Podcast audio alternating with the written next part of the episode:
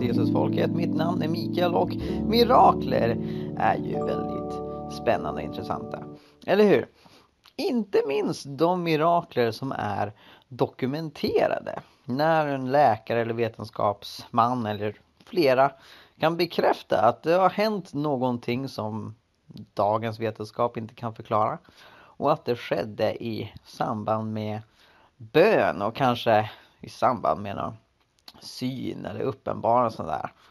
Det tycker jag är så otroligt intressant att läsa om. Så pass intressant att jag har tänkt skriva en bok om det eh, i framtiden. Inte just nu för att jag har så mycket att göra.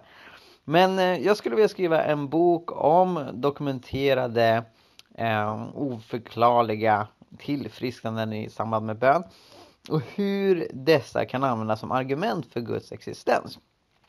Jag talade eh, på svenska, eh, förlåt jag hade tuggummi men jag talade på Svenska Apologetiksällskapets eh, konferens eh, som gick av stapeln för några veckor sedan i Uppsala eh, om just mirakler och det mirakulösa gudsbeviset som lyser med sin frånvaro inom dagens apologetik. Eh, man talar om moraliska gudsbevis, kosmologiska gudsbevis, eh, design och eh, Jesu uppståndelse, vilket förvisso är ett mirakel. Men till det begränsar man sig. Man talar inte särskilt mycket om mirakler som sker idag. Och min poäng under den här föreläsningen var Låt oss börja göra det.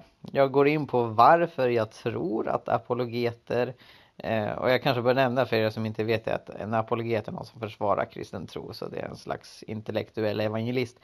Eh, att apologeter inte pratar om detta försöker jag förklara och jag försöker formulera ett gudsbevis som utgår från moderna dokumenterade mirakler. Så här kommer den föreläsningen, håll till godo. Mm.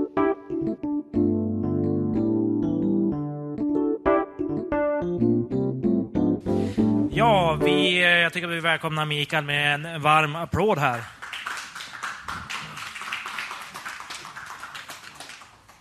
Tack så jättemycket.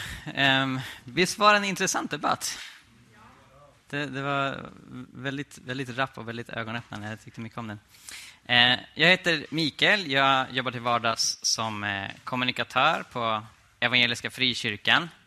Jag är bloggare och poddare och ägnar mig åt en rad olika projekt. Aktiv i Pannkakskyrkan bland annat som evangeliserar på gator och torg. Eh, och eh, som Ronny nämnde igår, eh, eh, en föreläsare för Svenska Apologetiksällskapet. Så jag ska åka ut eh, till Örebro om en månad och prata där om eh, islam och new age och ateism och hur kristna kan bemöta frågor därifrån och vilka frågor vi kan ställa till dem. Eh, och jag kommer också vara med i en debatt här i Uppsala 9 november mot eh, Anders Hesselbom som är humanist från Örebro. Eh, vi kommer att prata om det moraliska gudsbeviset som vi hörde lite om i debatten mellan Mats och Mattias. Jag tänkte prata om det mirakulösa gudsbeviset. Och det här är lite baserat på underlag som jag har gjort för en bok. Jag skulle vilja skriva, är det någon som kan stänga dörren? nu? Tack så jättemycket. Ehm, om hur mirakler kan användas som argument för Guds existens. Ehm, och till att börja med så vill jag bara slå fast att om någon tycker att det mirakulösa gudsbeviset är en konstig formulering så är det nog för att det är jag som har formulerat den. Alltså det man brukar prata om är argumentet från mirakler, eller gudsbeviset från mirakler. Ehm, men jag tycker det är liksom så här, det hamnar inte i samma klass som det kosmologiska gudsbeviset och teleologiska och moraliska. Eh, så då tänkte jag, men det, det, finns väl någon term för liksom studiet av mirakler som man kan använda sig av. Miralogi eller dynamologi eller signumologi. Va? Eh, så då försökte jag leta efter det, men fann inget. Och det tycker jag är lite symptomatiskt, för det, det vi kommer komma in på här är att det här är ett ovanligt argument Eh, för Guds existens. Studiumet av mirakler idag är inte så välutvecklat som man hade kunnat förvänta sig. Och det finns som sagt inte ens någon term.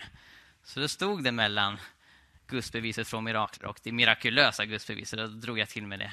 Även om förstås argumentet i sig inte är supermirakulöst. Men vi kommer prata om mirakler.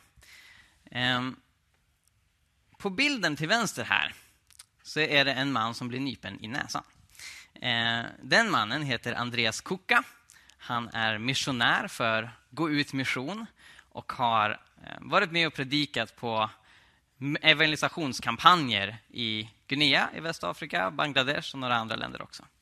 Här är han i Guinea och eh, i sann evangelistanda och pingstpastorsanda eh, så liksom ropar han ut Blinda se, döva hör, lama gå i Jesu namn. Och så var det stor folkfest och jubel och sen så kommer den här mannen med den fina hatten upp eh, och eh, han eh, ropar ut väldigt glatt Jag är helad, jag är helad, jag var blind men nu kan jag se. Och det gör ju Andreas normalt sett väldigt glad, men den här gången blir han lite skeptisk. För när Andreas tittar på den här mannens ögon så var de helt ihopgrumlade. Så Andreas sa, är du verkligen säker på att du kan se? Ja, jag är säker på att jag kan se. Ja, pröva att nypa mig i näsan så får vi se om du ser. Va? Eh, så liksom Andreas går bort lite grann och mannen går efter honom. Och när Andreas berättade för mig så sa han att medan samtalet pågick mellan honom och den här mannen så såg Andreas med sina ögon hur den här mannen fick klara ögon tillbaka. Alltså då, då, hans ögon förvandlades framför Andreas ögon. Och det, det gjorde ett väldigt starkt intryck på honom förstås. Eh, ups. Jag var med om något kanske inte lika häftigt, men ändå en liknande händelse när jag var i Sydafrika eh, för fyra år sedan. Jag var där och skrev C-uppsats eh, i freds och utvecklingsstudier eh, om hur tron på mirakler påverkar eh, bistånd och utvecklingssamarbete. Och då så fick jag följa med min vän Jeremiah Mahure, det är han som står i blå t-shirt. Vi åkte ut i bushen till en by nära gränsen till Mosambik. Eh, och där så träffade vi eh, killen med rosa tröja eh, som inte kunde vara ute på dagen. Han hade någon form av synskada som gjorde att han blev totalt bländad av vanligt ljus. Så han levde som Batman, han var bara ute på natten, annars så sov han inomhus på dagen. Och det är ju väldigt jobbigt när det är så pass soligt som det är i eh, nordöstra Sydafrika. Eh, så vi bad för honom, väldigt passionerat, afrikansk bön, eh, ett bra tag. Och det var ju kväll medan vi gjorde detta. Så killen öppnade ögon och sa liksom så här, allt, allt känns normalt, jag kan se normalt igen, liksom, det är inte ansträngande för mig. Och eh, Jeremiah tyckte, eh, blev väldigt glad, men tyckte också att vi skulle avvakta liksom, tills det blev dag. Eh, så vi åkte därifrån och sen så fick Jeremiah sms eh, att den här killen kunde se normalt. Frågan är om dessa händelser är mirakler. Och om de är mirakler kan de användas som argument för Guds existens. Det här är ändå något som jag var med och såg. Och Andreas är en vän till mig, jag litar på hans omdöme. Jag tror inte att han står och blåljuger mig liksom i ansiktet. De här händelserna behöver vi förhålla oss till. Eh, och De flesta här tror jag är kristna om det är så att Gud gör mirakler i världen idag, kan vi inte använda dem som argument för Guds existens tillsammans med moraliska, kosmologiska, teleologiska och andra gudsbevis. Det är vad vi kommer utforska eh, under den här dryga halvtimmen. Och först och främst måste vi givetvis definiera eh, vad mirakler är för någonting. Eh, David Hume, en 1700-talsfilosof som var kritisk till tro på mirakler, och vi kommer komma tillbaka till honom. Han definierade det som a violation of natural law. Eh, som någon slags övergrepp eller övertramp eh, på naturlagarna. Detta är fortfarande en definition som används väldigt ofta, inte minst av ateister. Många ateister gillar Hume eh, som filosof, eh, men har också mötts av kritik bland annat av de brittiska apologeterna C.S. Lewis och John Lennox. Eh, de har båda argumenterat för att ett mirakel måste inte vara att naturlagarna sätts ur spel. Snarare handlar om en intervention i det naturliga systemet, vårt universum. Och när den interventionen är gjord, så fortsätter det som nu finns där, som inte fanns där tidigare, att agera enligt naturlagarna. Eh, så C.S. Lewis tar jungfrufödseln som exempel. Gud kan eh, intervenera och se till att han blir människa inne i livmodern. Och sen så agerar livmodern som den brukar göra liksom under naturliga omständigheter. Eh, så Humes definition är inte så väldigt välspridd när det gäller eh, uppslagsböcker och encyklopedier och sådär.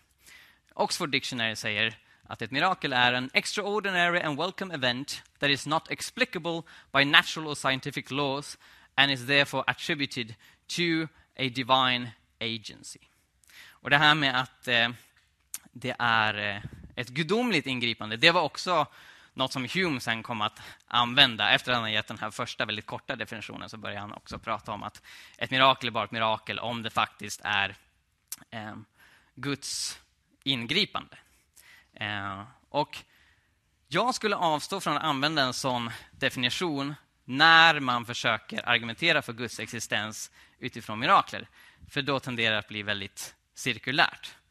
Jag skulle snarare tala om mirakler som en övernaturlig händelse utan att inledningsvis prata om vad som är orsaken till det. Och det jag kommer, kommer, kommer argumentera för är att när vi observerar övernaturliga skeenden så kan det den observationen leda oss till ett argument för Guds existens lite oberoende om det är Gud eller en ande eller en demon eller en gin som gjorde det specifika exemplet vi tittar på. Så jag lutar lite mer åt den definition som eh, Stanford Encyclopedia of Philosophy ger. An event that is not explicable by natural causes alone. Eh, och den definition som jag har i nuläget valt mig att använda av när jag har arbetat kring detta och skrivit artiklar om detta är en övernaturlig händelse som påverkar naturen och som har begärts eller önskats av människor. Och jag lade till den här sista biten, som inte finns i de andra definitionerna, därför att det är det som jag tycker skiljer ett mirakel från en abnormalitet i naturen. Det finns en mängd olika saker som inte har en vetenskaplig förklaring för. Det som gör mirakler särskilt intressanta är att de väldigt ofta, i vart fall de dokumenterade fall som vi kommer titta på, sker i samband med bön. Eh, de har en religiös kontext. Så jag uttryckte det som att det begärs eller önskas av människor att människor vänder sig till en övernaturlig dimension för att få hjälp eh, och det sedan sker. Hur vanligt är det då att människor för det första tror på mirakler och för det andra använder mirakler som skäl att motivera sin livsåskådning. Eh, det är faktiskt väldigt vanligt. Eh, när man tittar på de tidigaste kristna apologeterna i fornkyrkan, Justinus martyren som Eh, klädde ut sig till filosof och engagerade sig i apologetik gentemot kejsaren. Han hade mod. Ehm, han talar om mirakler, Augustinus eh, talar om mirakler och flera av de här tidiga apologeterna pekar på mirakler som ett argument för att kristendomen är sann i kontrast till eh, den romerska religionen. Och Då handlar det inte så mycket om miraklers existens utan mer vad var det för sorts mirakler? Vad gör de med människor? För även romarna kunde peka på övernaturliga händelser. Så det var eh, mer ett mirakelargument för att peka på just att kristendomen är sann. Och Det är inte vad vi kommer ägna oss åt. Men miraklerna fanns där. Ateismen var ju ovanligare då. Det man ser idag är på populär nivå, globalt, så är den pingstkarismatiska rörelsen väldigt stor. Den omfattar 600 miljoner människor. Man brukar säga att den är snabbast, eh, under 1900-talet den snabbast växande religiösa rörelsen. Eh, för att den omfattade bara ett par stycken under 1900-talets början. Och där är det väldigt vanligt att man har en stark tro på mirakler och man använder dessa mirakler som motivation för att bli kristen. Så att man använder det både i samtal med ateister men även samtal med människor som har andra religiösa livsåskådningar. På populär nivå så är detta väldigt vanligt. Eh, en forskare som heter Candy Gunther Brown som har specialiserat sig på den pinkarismatiska rörelsen har bland annat pekat på detta i en bok som heter Global Pentecostalism. Men i modern apologetik så är det rätt så ovanligt att man talar om nutida mirakler när mirakler lyfts upp är det oftast att man talar om historiska mirakler, de bibliska miraklen, i synnerhet Jesu uppståndelse. Men att man pratar om moderna mirakler är ovanligt. Några exempel på detta. William Lane Craig fick en fråga i sin klass Defenders om man inte kan använda sig av nutida mirakler som argument för Guds existens. Och han gav inte ett långt svar på detta. Om jag kommer i kontakt med honom så skulle jag vilja höra honom lägga ut det lite. Men han sa helt enkelt, jag brukar inte använda det argumentet för jag tycker inte att det är bra. Men, nu börjar de spela orgel här. Men om man ska använda sig av miraklen i apologetisk diskussion så tycker han att det ska kunna finnas med i ett kumulativt case, visst heter det så? Ehm, och man ska använda sig av de här tegelstenarna. Craig Keeners 1200-sidiga verk Miracles. Ehm, men det är inget han använder i debatter. Ehm, Tim McCrew är författaren till artikeln i Stanford Encyclopedia of Philosophy som handlar om mirakler. Eh, så han har tänkt en hel del kring detta. Det är en väldigt lång artikel eh, som tar upp hur det här argumentet används historiskt och liksom hur, hur, det kan se ut i olika former. Och drar slutsatsen att ja, men det här kan man väl försöka sig på, men det är svagt. Och det är liksom inget som man bör eh, ange i sin ensamhet, utan det ska vara en del av flera andra argument. Eh, Justin Brierley i mitten eh, är värd för eh, radioshowen och podcasten Unbelievable. Eh, han har bjudit in gäster att debattera och diskutera mirakler flera gånger. Eh, men vid några tillfällen så gör han det lite ursäktande. Eh, han bjöd bland annat in Robbie Dawkins, som inte är släkt med Richard Dawkins. Han är eh, helande evangelist i Vineyardrörelsen och menar sig ha sett tusentals helanden ute på stan och så vidare.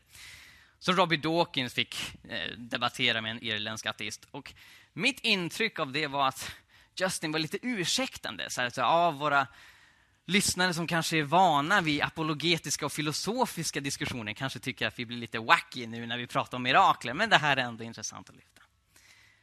Jag skulle vilja höra lite från, från er, bara lite kort.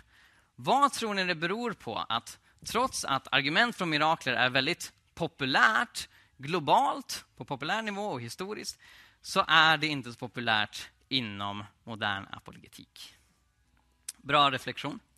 Så de bibliska miraklerna de är ju uppenbart kopplade till Bibeln. Medan när man pratar om moderna mirakler, då hänvisar man till vad ja, folk idag säger. Exakt. Ja, men precis. Någon mer tanke? Just det, rädslan för att inte kunna ge konkreta bevis. Så du tänker att även om man kan peka på ett eh, fall i Latinamerika för några år sedan, liksom, här skedde ett dokumenterat helande, så kanske rädslan är när man anför det för en person man diskuterar, så säger de jaha, be för den här rullstolsburna personen då. Så, alltså att liksom, man vet inte om, om det kommer ske. Har jag uppfattat det rätt? Ja, precis. David?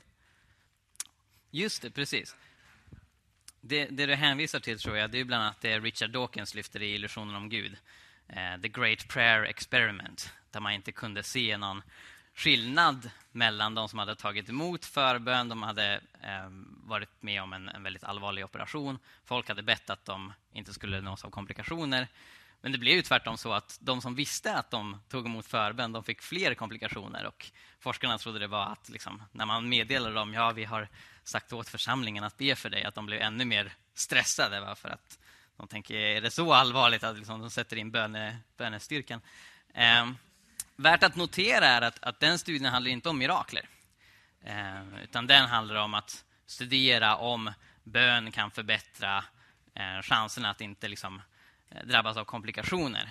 Det är en annan grej att studera fall där någon har blivit frisk på ett sätt som vetenskapen inte kan förklara. De studierna tenderar att vara mycket mer fokuserade på enskilda fall snarare än eh, statistik. Eh, jättebra tankar. Några tankar från mig också. Eh, jag tror en hel del apologeter har brist på erfarenhet av mirakler. Eh, och som du är inne på, kanske känner en rädsla att liksom behöva kasta sig in i det för att motivera tron på att mirakler sker idag. Eh, man kanske inte känner till så många bra fall. Eh, så liksom det, det känns tryggare att kunna vila på ehm, Jesu uppståndelse, till exempel. Eh, för det kan man läsa på en hel del om medan man kanske inte känner till så många som har varit med om mirakler idag. man kanske anser att det finns stora filosofiska hinder. Eh, det har mött oss en hel del kristna apologeter som jag diskuterat detta med, att de tycker att ja, men även om man kan visa att mirakler sker idag, hur övertygar man ateisten om att det är just ett mirakel, rent filosofiskt, och inte bara en slump? Eh, och sen avslutningsvis så tror jag det också spelar roll att det har funnits en utbredd cessationism bland apologeter. Är det någon som vet vad cessationism betyder? Eller? Exakt. Tron att mirakler bara hände på Bibelns tid. Så den här tanken att Andens mirakulösa gåvor var kopplade till apostlarna och sen när de dör så finns det inte längre kvar. Eh, det är en idé som är väldigt ovanlig i Sverige. Den fanns förr i, i delar av Svenska kyrkan, men idag när människor där inte tror på mirakler så motiverar man det snarare med att mirakler aldrig har skett, snarare än att det skedde då inte längre. Det är en vanligare idé i till exempel USA och England. Eh, I USA spreds det med Schofield Reference Bible och den spreds i England också. Eh, och eh, kalvinism och en form av baptism som är... Nej, jag ska inte säga det ordet. Eh, dispensationalistisk. Det är så svårt ord. Eh, men där finns tanken då att, att eh, de mirakulösa gåvorna upphörde. Eh, och, och, det har influerat många apologeter. Många apologeter kommer från den miljön. Medan den pingstkarismatiska rörelsen har aktat sig för att utbilda sig och har sett ner på utbildning och så vidare.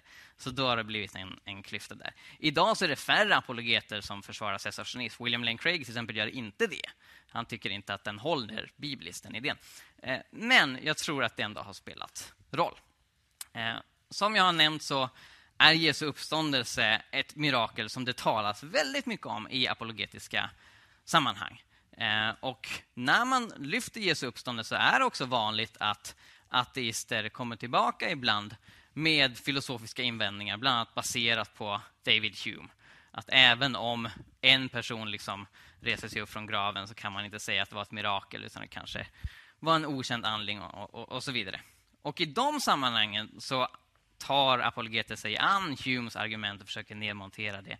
Eh, och det jag tror är möjligt är att med väl dokumenterade mirakler från idag så kan man bygga ett liknande resonemang när man försvarar dem som när man försvarar det mirakel som Jesu uppståndelse är. Och Det är inte att säga att moderna mirakler har samma status eller teologiska signifikans eller kosmologiska signifikans som Jesu uppståndelse. Men det jag menar är att man kan använda sig av liknande verktyg. Och då har man en rik flora av exempel att utgå ifrån. Jag tror att det stärker det apologetiska arbetet. Och det här börjar ske. Så jag nämnde tidigare eh, Craig Keener. Han är helt makalös. Den här jätten är ursprungligen en fotnot.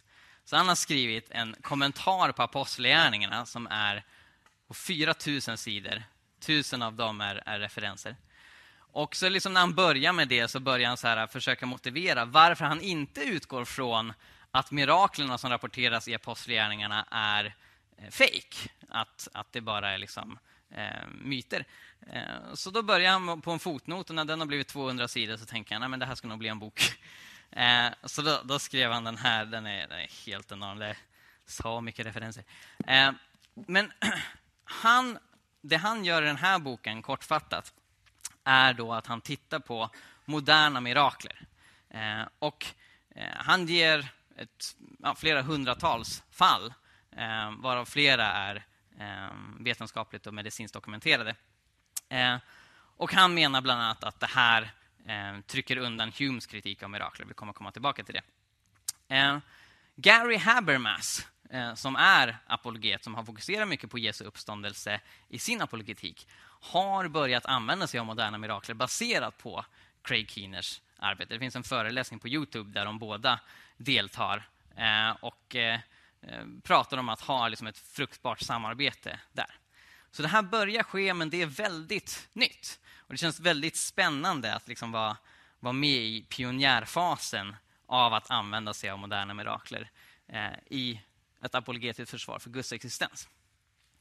Låt oss då eh, diskutera vetenskapligt oförklarliga tillfrisknanden efter bön. eller som jag kallar dem, Voteb. Eh, det här finns det en del litteratur om. Förutom Craig Keeners bok så är det här ett måste om ni vill läsa mer om detta. Testing Prayer av Candy Gunther Brown. Eh, jag nämnde henne tidigare, det är hon som även har skrivit Global Pentecostalism.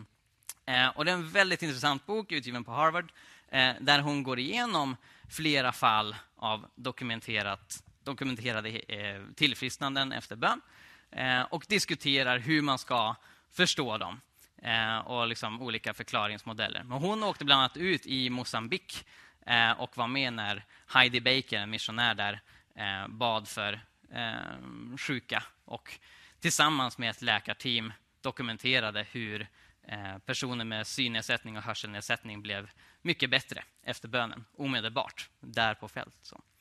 Det finns även en bok som jag tyvärr inte har införskaffat än. Den heter Medical Miracles, Doctors, Saints and Healing in the Modern World av Jacqueline Duffin. Eh, och den handlar om mirakler i den katolska traditionen och kommer nämna eh, två exempel på det. Den katolska kyrkan har en väldigt rik tradition av att dokumentera mirakler eh, noggrant. Eh, så när en person ska helgonförklara så kräver man två mirakler som ska vara vetenskapligt oförklarliga. Alltså oftast då tillfrisknanden efter bön. Eh, till att börja med eh, så finns det en person, en läkare som heter eh, Richard Castorf eh, som skrev en bok för ett tag sedan, den är lite gammal, eh, på 60-talet eh, där han ger elva exempel på dokumenterade eh, tillfrisknanden efter bön. Bland annat Ray Jackson. Han hade en väldigt aggressiv cancer. Eh, så 72 så eh, upptäcktes eh, cancer på njuren och det togs bort på Duke University. Eh, men två år senare så såg de att cancern hade spridit sig eh, och dök upp i fingret. Så de tog bort stackars Rays finger också. Och de fortsatte göra undersökningar. De upptäckte cancer i ryggraden, i könsorganet, i revbenen Eh, och i benen. Eh, och det finns en skan som de gjorde därifrån. Eh, som de här små pilarna, om ni ser dem, pekar ut var det fanns tumörer. Den förväntade livstiden var ett år. Men Ray gick på ett helande möte med Catherine Kuhlman. Och han hörde en röst som sa du ska bli helad. Och därefter, när han kom tillbaka för att inleda strålbehandlingen Eh, så behövdes inte det. Därför all cancer var spårlöst försvunnen. Det var flera läkare på Duke University som kollade på detta och kunde inte nå en vetenskaplig förklaring eh, till att så hade skett. Eh, Danila Castelli från Italien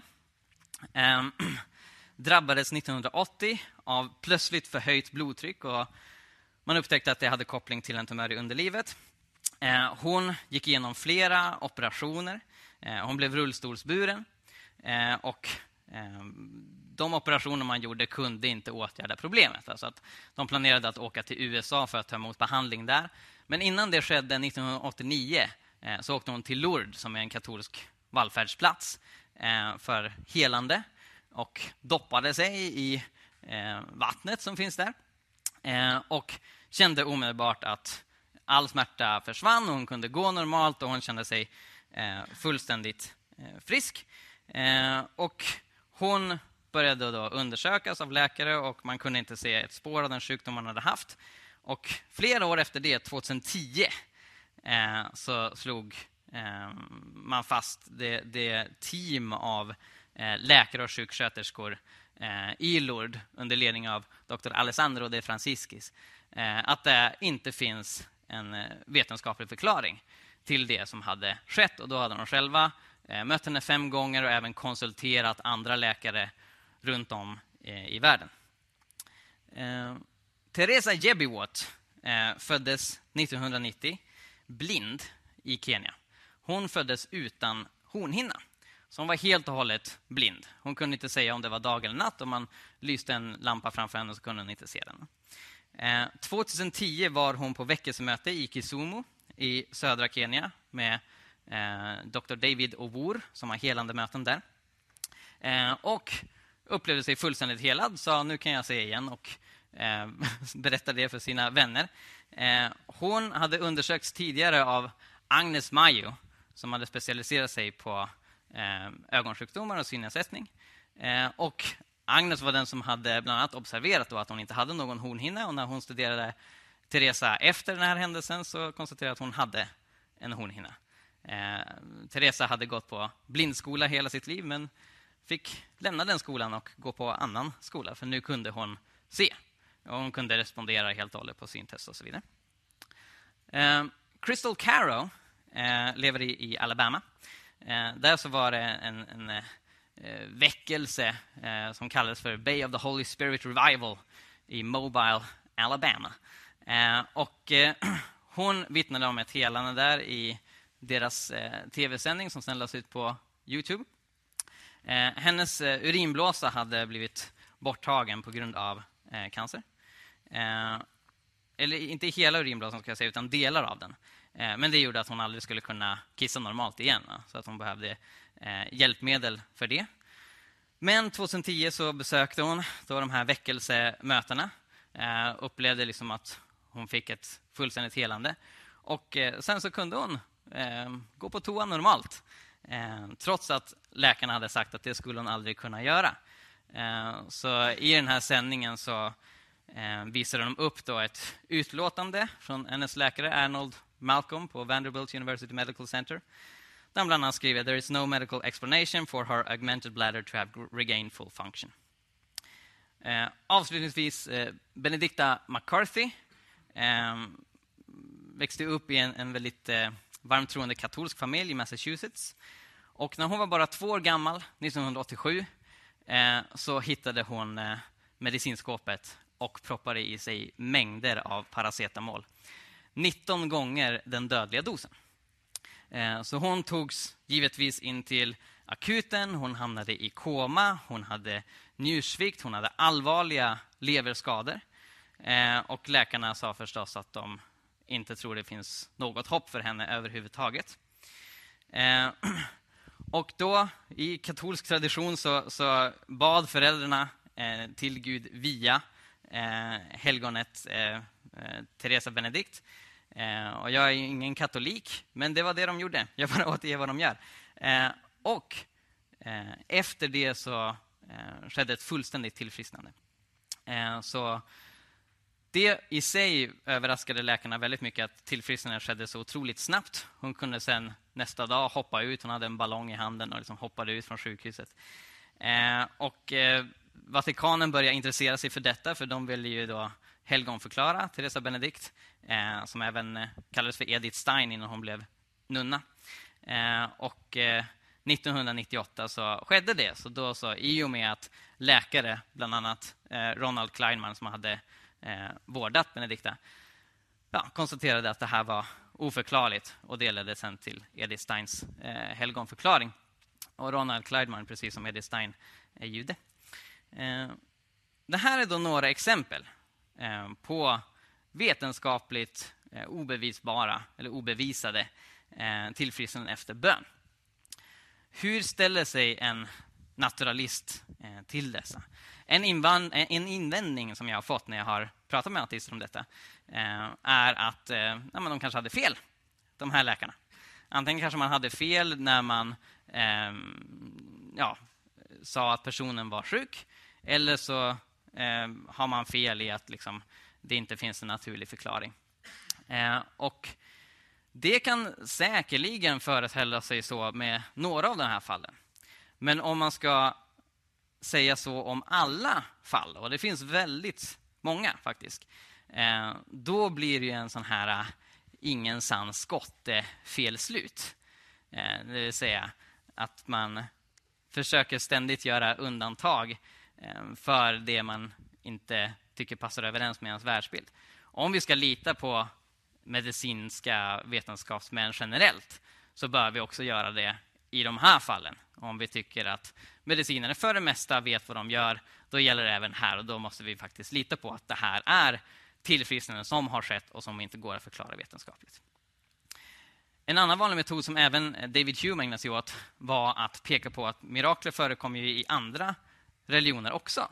Eh, och som vi har sett, det var ju både protestantisk och katolsk tradition här. Det finns eh, flera exempel på dokumenterade eh, oförklarliga händelser när det gäller även andra religioner. Eh, och det börjar växa till exempel i, inom antropologin att eh, fler och fler eh, antropologer som studerar animistiska samhällen börjar gå ifrån naturalismen och säger att det som förekommer här kan inte enbart eh, förklaras eh, med hjälp av naturalistiska eh, förklaringar.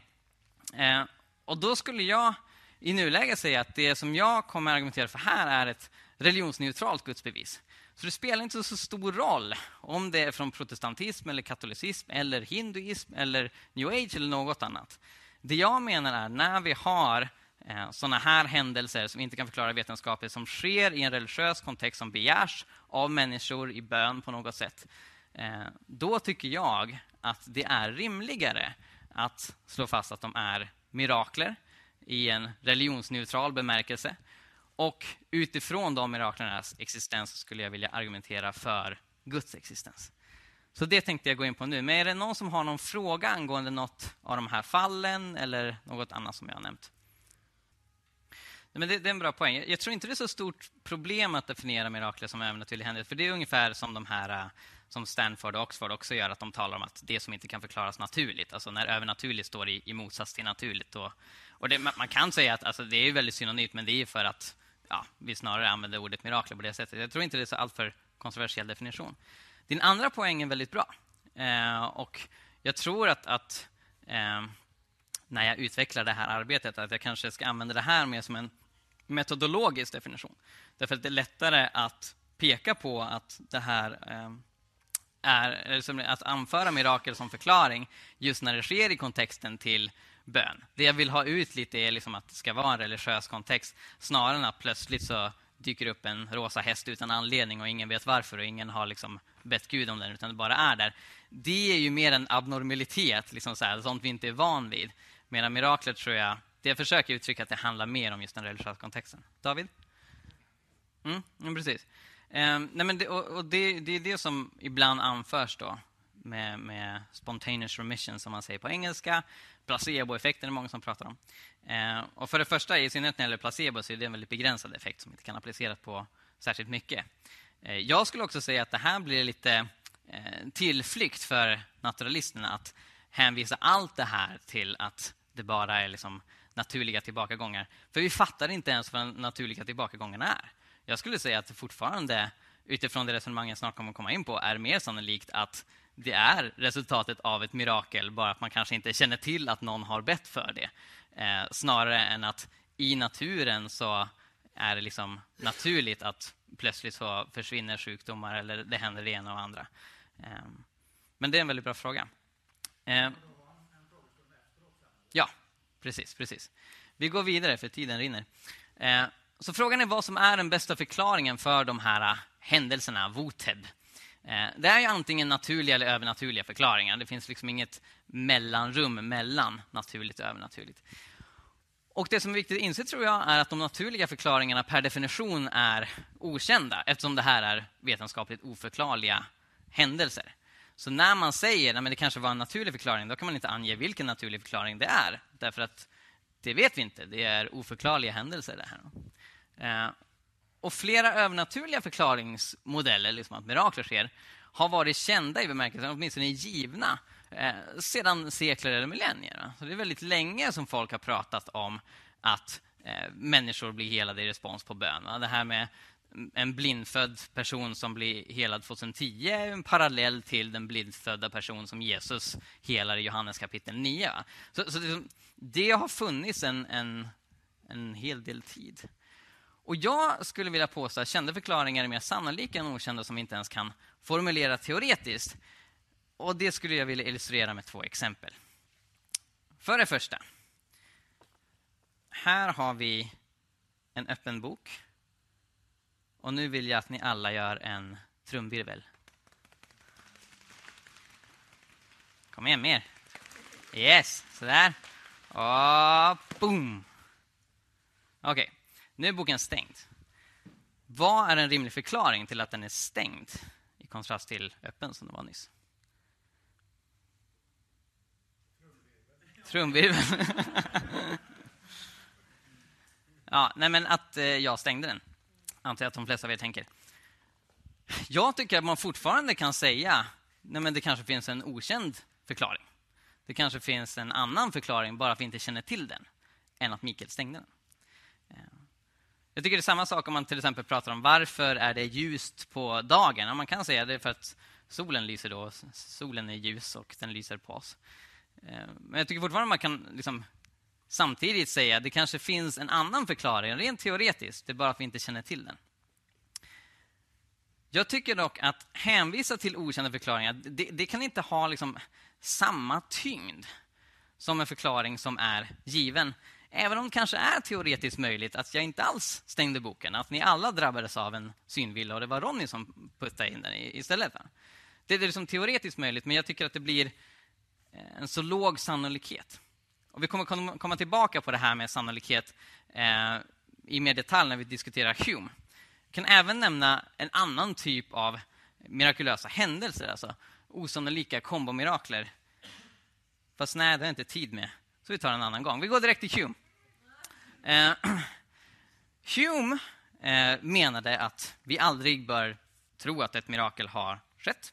Eh, på grund av att han då definierar mirakler som eh, övergrepp eh, på naturlagarna. Han menar att naturlagar, de har vi liksom kommit fram till vad de är baserat på en, en enorm mängd e mänsklig erfarenhet.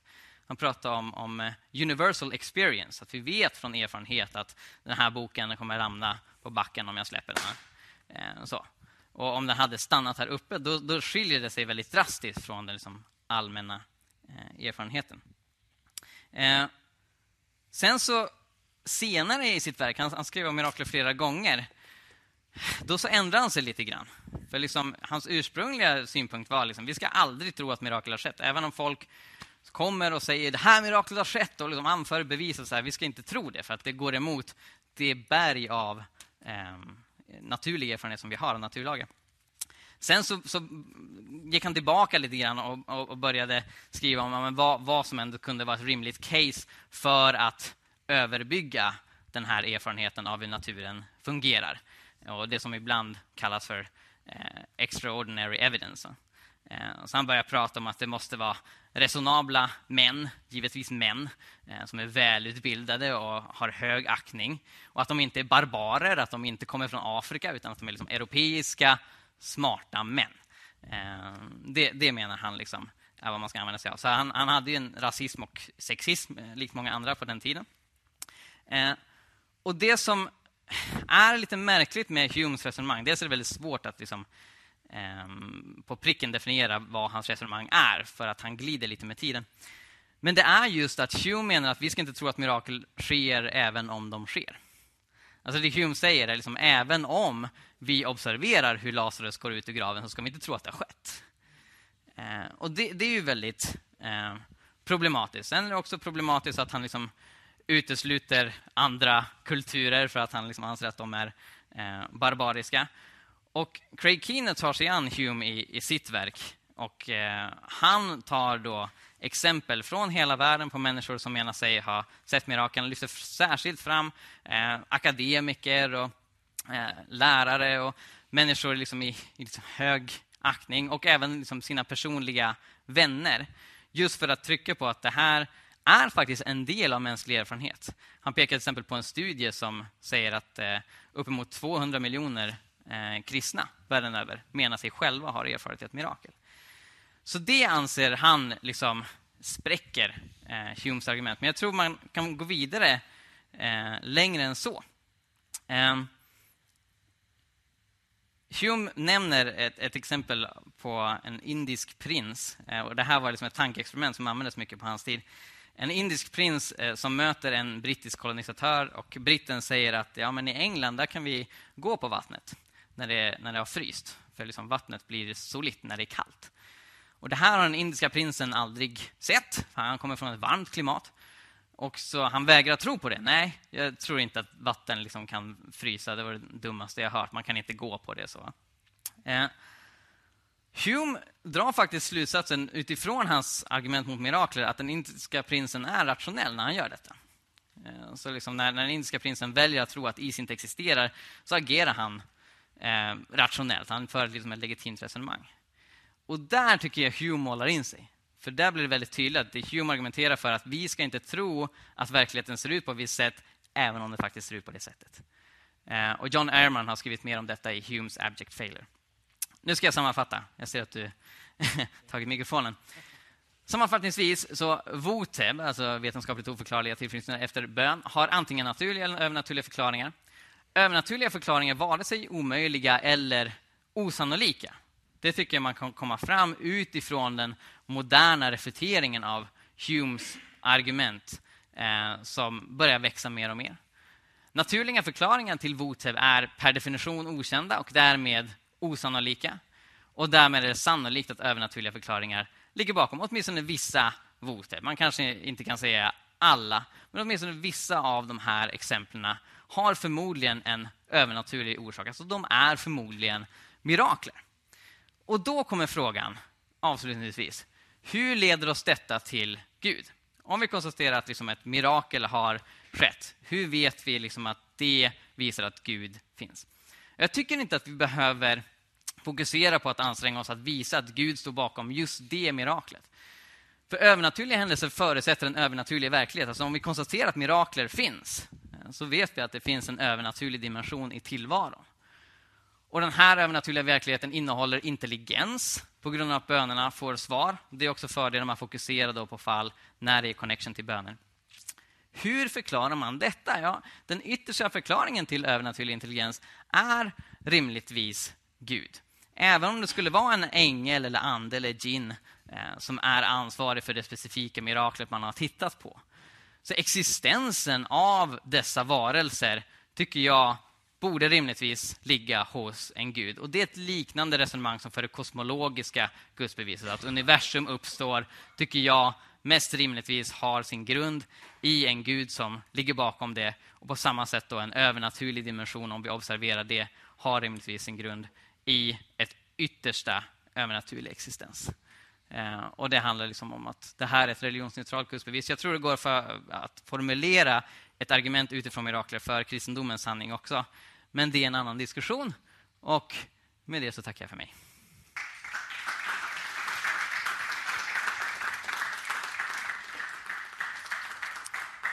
Har vi några frågor eller synpunkter eller arga kommentarer? Ja, det blir en kommentar, men blir, den blir inte arg. Ja, vad snällt. jag förstod inte det här när du sa det gudsneutrala gudsbeviset. Eh, för det finns ju rent eh, avgudamässiga religioner som hävdar helande. Mm. Menar du då att det är Gud som helar trots att man tillber en avgud? Nej, jättebra att du ber mig förtydliga. Det är absolut inte vad jag säger.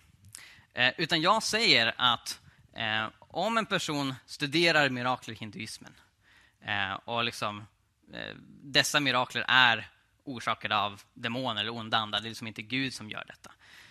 Men om man liksom kan dokumentera att det här finns, det sker faktiskt övernaturliga händelser. Och de allra flesta karismatiska kristna som jag träffat har inget problem med att säga det. De har inga problem med att säga att det finns en andlig verklighet inom shamanism, hinduism och så vidare. Det, det jag menar är att man behöver inte stressa ihjäl sig över att Gud inte är ansvarig för just de miraklerna enligt ens övertygelse. Utan det jag menar är att man kan titta på övernaturliga händelser oberoende av vad de har för källa. Och utifrån det konstruera ett filosofiskt argument för Guds existens baserade på de här övernaturliga händelserna. Jättebra. Ja, alltså som jag använder det här ordet. Eh, och det, det, var en person på nätet som, som eh, hävdade att nej, men när man säger mirakler, då ska man bara syfta på det Gud gör eh, Eh, och inte på det demoner gör. Eh, och I så fall får jag använda något annat ord.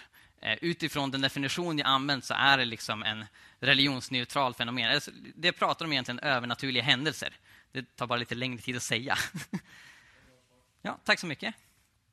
Eh, jag tänkte bara, men det argumentet har du inte presenterat alltså? Utan det här var liksom en bas då?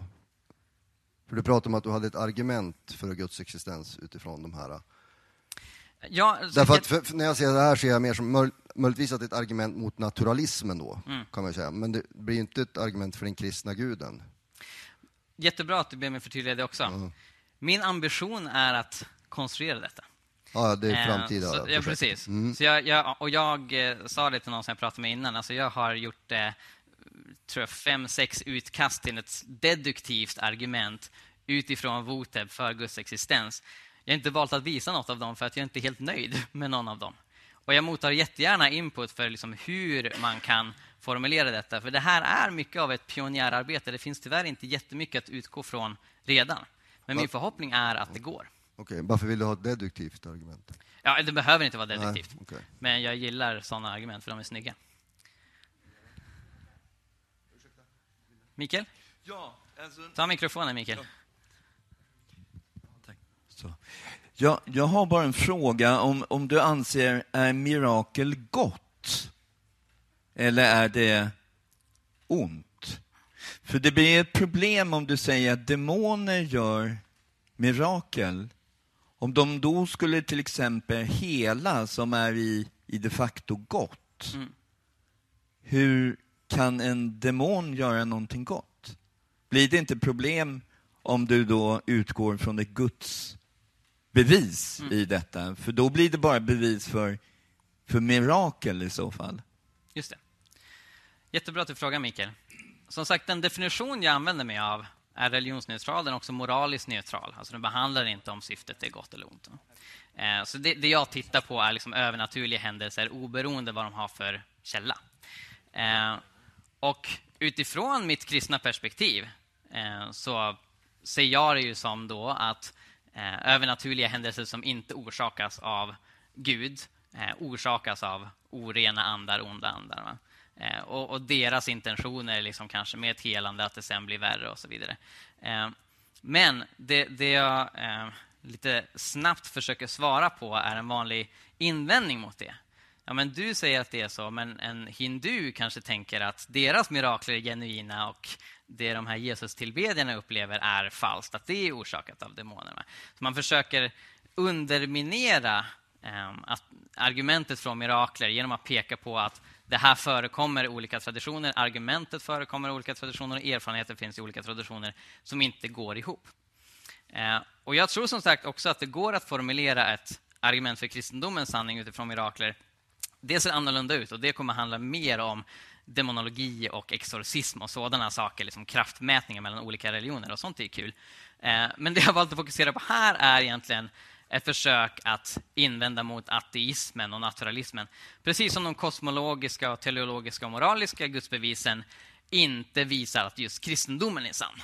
Utan de är religionsneutrala också. Kanske inte lika breda, för där finns inte politismen lika enkelt inräknad.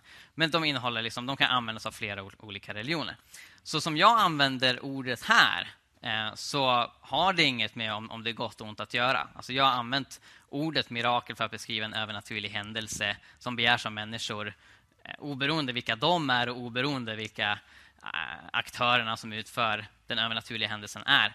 Men om man utifrån en, en teologisk synvinkel inte vill använda ordet mirakel på det sättet eh, så är man helt fri att göra det. Ordet mirakel finns inte i Bibeln, det är ett latinskt ord.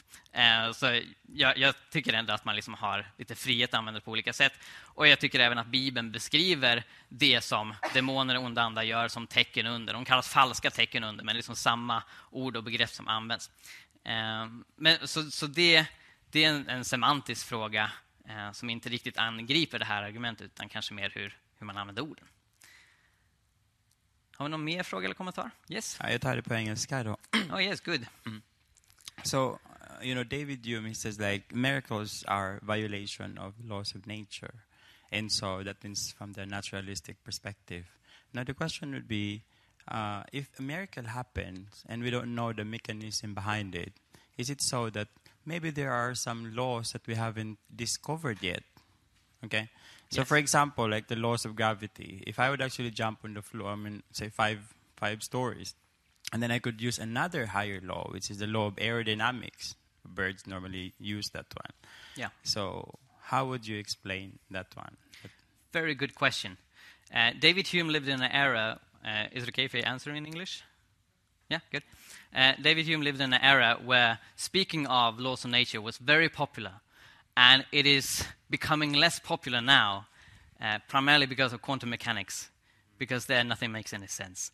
Uh, so, or at least the, the natural laws are, are questioned. And of course, it's, it's very hard to say that something violates laws of nature if you define a law of nature as uh, something that exists.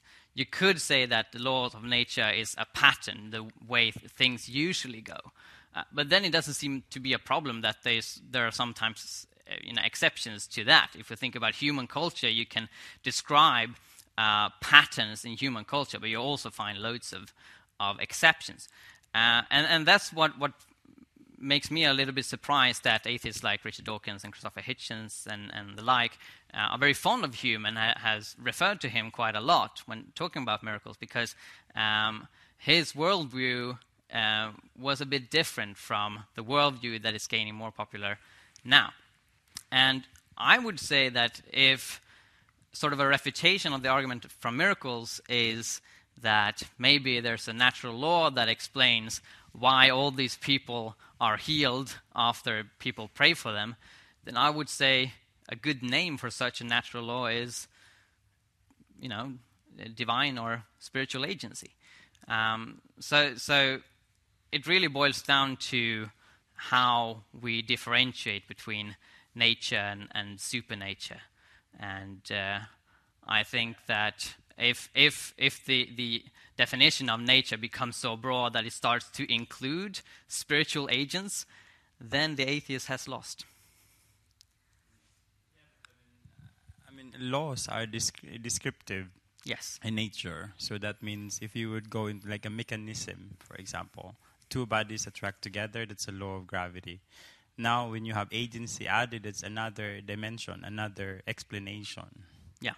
Yes. Yeah, and, and that's also what, what makes it so hard to talk about, you know, that God cannot violate the, the laws of nature.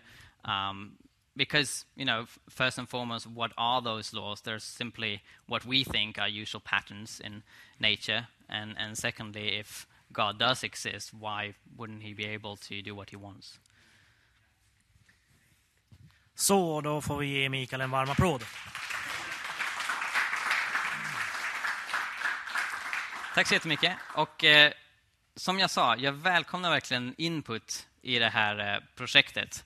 Om ni har fler tankar, om ni skulle vilja hjälpa till med att göra en sån här bok och utforska det här, så säg gärna till mig. Eh, och kolla gärna in de här böckerna. De här är inte för försäljning, de är mina egna. Håll tassarna borta, men titta gärna på dem och så kan ni beställa dem på egen hand. Tack så mycket.